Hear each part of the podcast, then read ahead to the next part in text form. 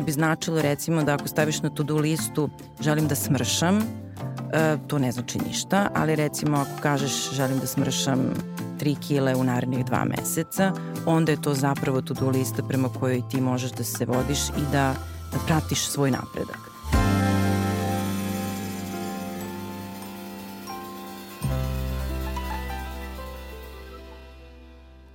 Razgovaramo o tome kako da napravite spisak stvari koje ne želite da uradite. Ljudi obično prave to-do liste, tu negde oko nove godine, ili liste pla planova, a mi ćemo sada razgovarati o tome zašto treba da pravite liste koje, stvari koje, koje ne želite da uradite ili don't do lista ili not to do lista, kako god. Zato što je ovo doba godine, a sad je negde kraj marta i početak aprila, kada ljudi, ljudi obično rade neki presek stanja stvari, pošto je prošlo eto neka tri meseca od nove godine i kada valja štiklirati e, šta sa te novogodišnje liste planova jeste, a šta nije ispunjeno, ako ste naravno od onih što uopšte prave te to-do liste, čak i da niste, svi imamo neke okvirne planove, pa tako u ovo doba godine neki shvate da se nisu ni makli, nisu ni počeli da vežbaju ili trče ili da nikad i neće početi da trče, nisu ni malo smršali ili počeli da se hrane zdravo, nisu ni ove 2023. ostavili cigarete ili makar smanjili alkohol, nisu uštedili ni dinar za odmor, nisu otišli kod lekara na pregled, jednostavno nisu radili ništa od planira. Jedna studija je pokazala da čak polovina novogodišnjih planova propadne u prva tri meseca, tako da je sasvim ok ako je tako i kod vas. Evo ja ću odmah da priznam da kod mene jeste. Uh, pa ću sad da pitam Miju i Ivu uh, da li vas dve pravite to-do liste i koliko planiranog ste ostvarile do sada ako ste imale neke planove tu oko nove godine, šta ćete da radite ove godine? Znaš što, ja mislim da sam ja hodajući to-do lista. Znaš, jedna od glavnih anegdota u mojoj porodici, to moja mama i dan danas govori, je da od mojih tinejdžerskih dana ona je stalno naletala na neke planere, neke po buletima, spiskove stvari koje moram da uradim. Ja verujem da to jeste dobra veština kada umemo da realistično planiramo e, i da nije loše praviti to-do liste ukoliko te e, ciljeve postavljamo tako da oni budu merljivi, što bi značilo recimo da ako staviš na to-do listu želim da smršam, e, to ne znači ništa, ali recimo ako kažeš želim da smršam 3 kile u narednih dva meseca, onda je to zapravo to-do lista prema kojoj ti možeš da se vodiš i da, da pratiš svoj napredak. Tako da mislim da to nije loše, sviđa mi se i tek sam, evo sad bukvalno ovaj, uoče pripreme za ovaj podcast saznala da postoji not to-do lista i mislim da je to ono što mi fali, što mnogima fali, jer se ona zapravo odnosi na drugu stranu uh, naše produktivnosti, a to je briga o sebi. Niko ne može da sprovede to do listu ako nije e, vrlo nežan prema sebi i neguje not to do listu. Tako da hvala ti, ja ću da je uvedem od evo danas. A ti, Iva, da li, da li ti praviš te planove ili te pa, liste? Da, ja, ja ne bi mogla da funkcionišem da na dnevnom nivou nemam to-do listu zato što bi nešto zaboravila. To je tako kad u ovom savremenom vremenu mm -hmm. radimo gomilu stvari. Uh, Tako da da, mislim da te liste e, kratkoročne su mnogo važne i to, to je planiranje i to je strukturiranje sobstvenog vremena i, i važno je da bude realistično. Kada su u pitanju te uh, ti dugoročne to-do liste, a posebno te novogodišnje rezolucije ili odluke ili kako se već zovu, ja sam shvatila da, da one ne rade, pa su onda istraživanja to, to pokazala, tako da sam se vratila željama.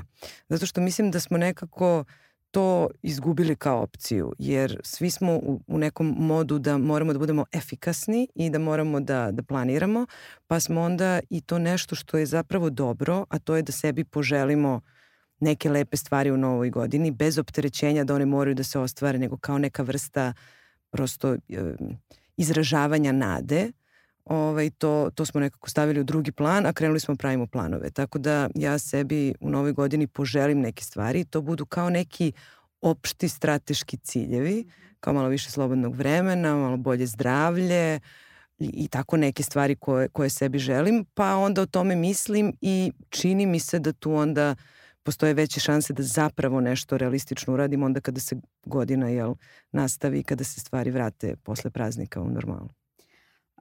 Pitanje je kako hoćete da pravimo neke planove u svetu koji se poslednjih godina dramatično menja i tu se valja prisetiti pandemije i koronavirusa kad su ono, svi planovi pali u vodu i mislim sve te to-do liste su pale u, u vodu. Da li vam se čini da poslednjih godina sve više ljudi oduste od tih novogodišnjih lista želja i da ovaj koncept pranja liste pada u vodu?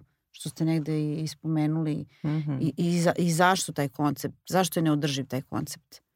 Pa zato što je e, donekle rigidan, ne, doz, ne, ne dozvoljava tu mogućnost agilnog pristupa, a to je da uvažiš da se stvari menjaju i da i ti u skladu sa tim promenama moraš da promeniš svoje prioritete.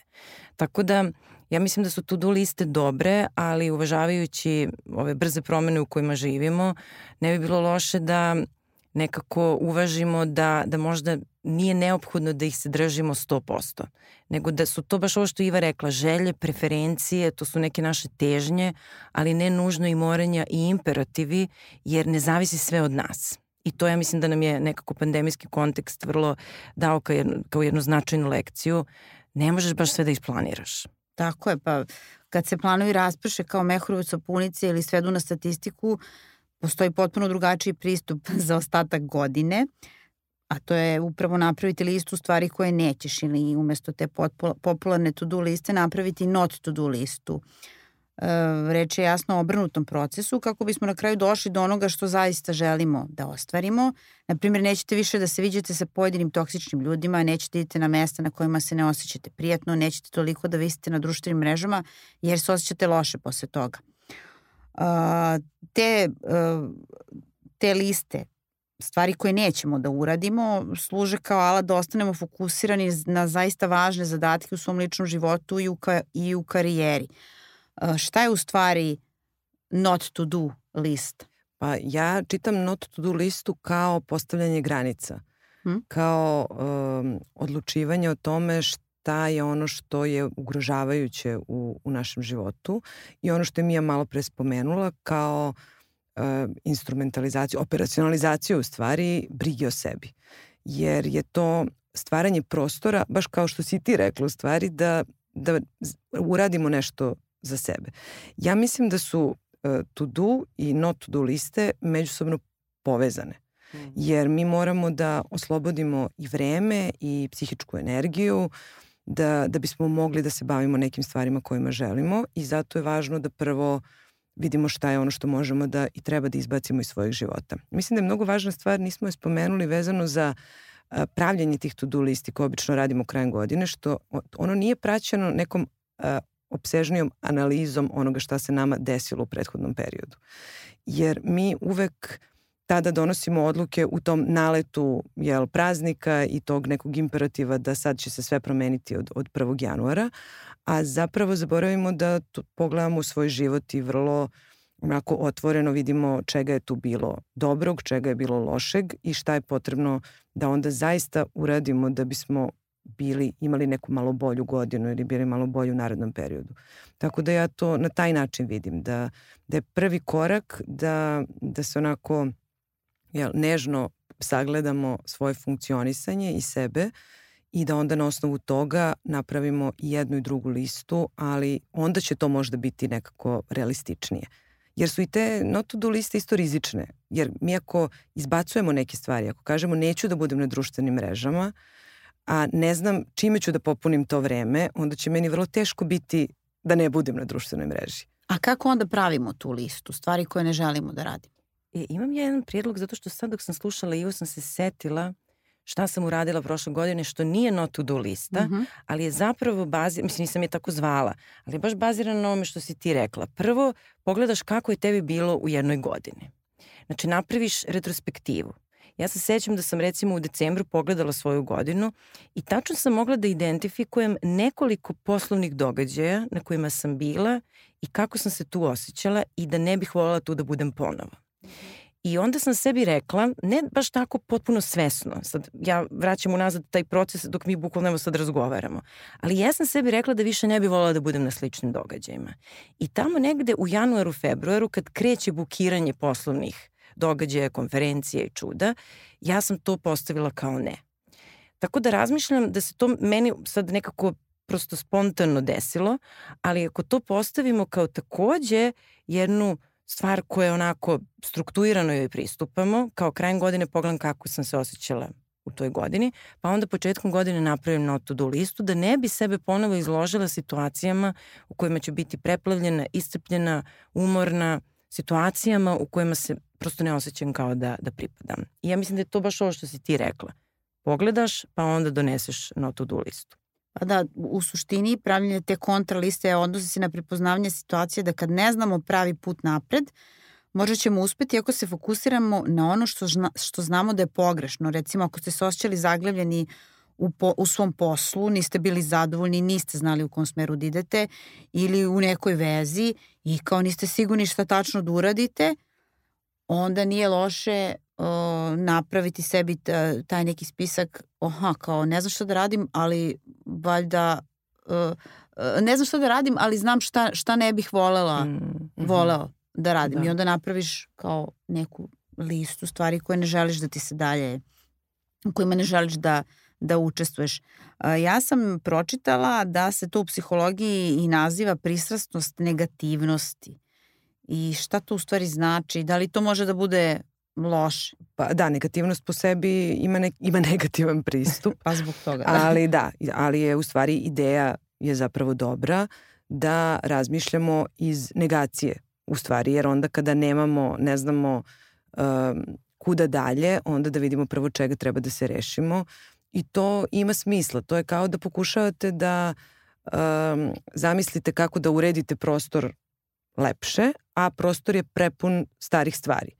I sad je verovatno teži način da uređujete, da zamišljate taj prostor drugačijim, a on je pun nekog krša, a u stvari bi bolji pristup u tom slučaju. I sad ako ste super kreativni, to će možda moći, ali možete prvo i da se rešite svega onog što vam nije potrebno, pa da onda smislite čime ćete taj prostor da popunite. Tako da meni, meni to na to liči i mislim da je to, da je to dobra stvar i da se nekako, da, opet kažem, nadopunjuju a, a može prvi korak da bude ja znam šta neću, to je ono, možda ne znam šta hoću, ali znam šta neću. Mm -hmm. To je to.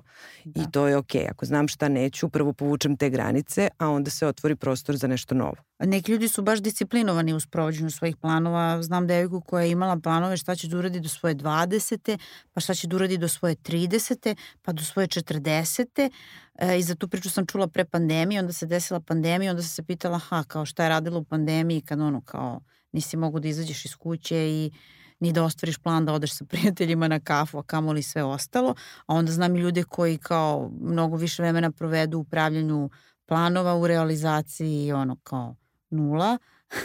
Tako da me sad zanima da li sa tim koja si lista, da li si uh, to-do lista ili not to-do lista ima veze i kakva si ličnost. Da, da li su one korisne za ljude koji ne umeju da kažu uh, uh, ne i preopterete se obavezama Mija, mm. da li si ti možda tako? Definitivno, ja sam ta. Ja sam tu, pa kao što rekao, hodajući tu do lista.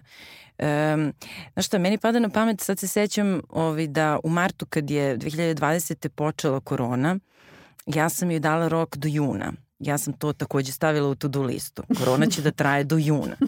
I to je to gde ti svoje planiranje postaviš kao jednu vrstu automatizma u okolnostima u kojima to potpuno ne važi.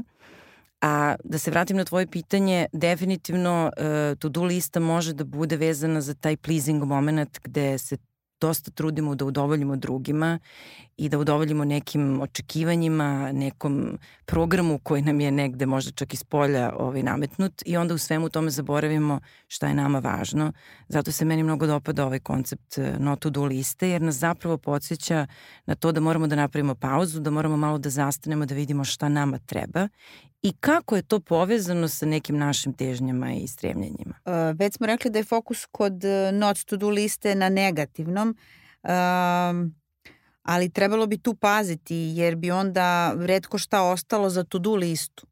Znači ako smo previše negativni i sve odbacujemo, neću ovo, ne želim ovo, ovo više neću da radim, pa da nešto treba da ostane i na toj listi planova što želimo da ostvarimo, kako da ne skliznemo uh, uh, totalno u tu neku negativnost i onda na kraju da ne uradimo ništa, baš ništa. Pa da, to je veliki izazov, uh, zato što mi oslobađamo neko vreme za nešto drugo, a sada je pitanje koliko ćemo zapravo tom nečemu drugom da se posvetimo. Ja to, to učitavam kao što sam ja ove godine rešila da prihvata manje poslova da bi se bavila svojim doktoratom, a onda se bavim svojim doktoratom, ali prilično vremena i, i izgubim. I onda je sad, onda tu ponovo sebe procenjujemo, pa se onda osjećamo loše, a eto, neke si granice povukao, a ne radiš ono što bi trebalo. I mislim da je u stvari poenta oko sve, poenta tih listi je naša potreba za kontrolom. Mi time što pravimo liste i što, što pravimo planove uopšte, mi pokušavamo da uvedemo red i smisao u život koji je često nepredvidiv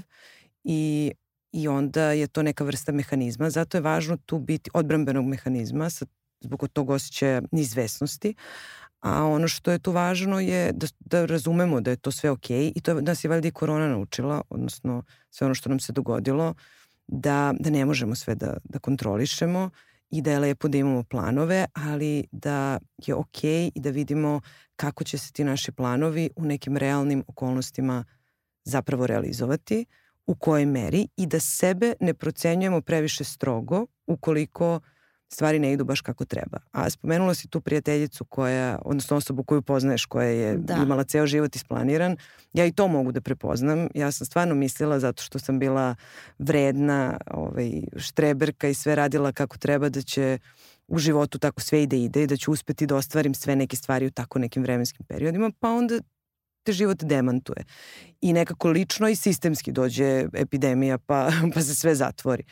I tu je važno da, da učimo i da ne postanemo uh, s jedne strane gorki, ogorčeni u smislu eto nema pravde i sve se urotilo protiv mene ili druga krajnost da kažemo ja ne znam da živim ovaj život i evo kako svima uspelo, a meni nije. Znači, važno je sa, sa tim listama i sa planiranjem samo biti što je više moguće uh, realan i fleksibilan onda kada stvari ne idu kako treba, jer je to zapravo život. A redki su oni koji su stvarno uspeli, mislim da zapravo ne postoje i da je to samo iluzija koju nam opet možda društvene mreže ili već neki neke tako priče ovaj, serviraju da postoje ljudi koji su uspeli svoj život da tačno isprogramiraju od početka do kraja. To, to prosto ne postoji. Eto sad kad smo kod tog programiranja, mislim da bi svakako trebalo da svi stave na svoju to-do listu da slušaju ovaj podcast, kako Obavezno. da izgradite dobar život. A to možete na svim platformama. Spotify, Deezer, Podcast RS, Apple Podcast ili na sajtu velikepriče.com.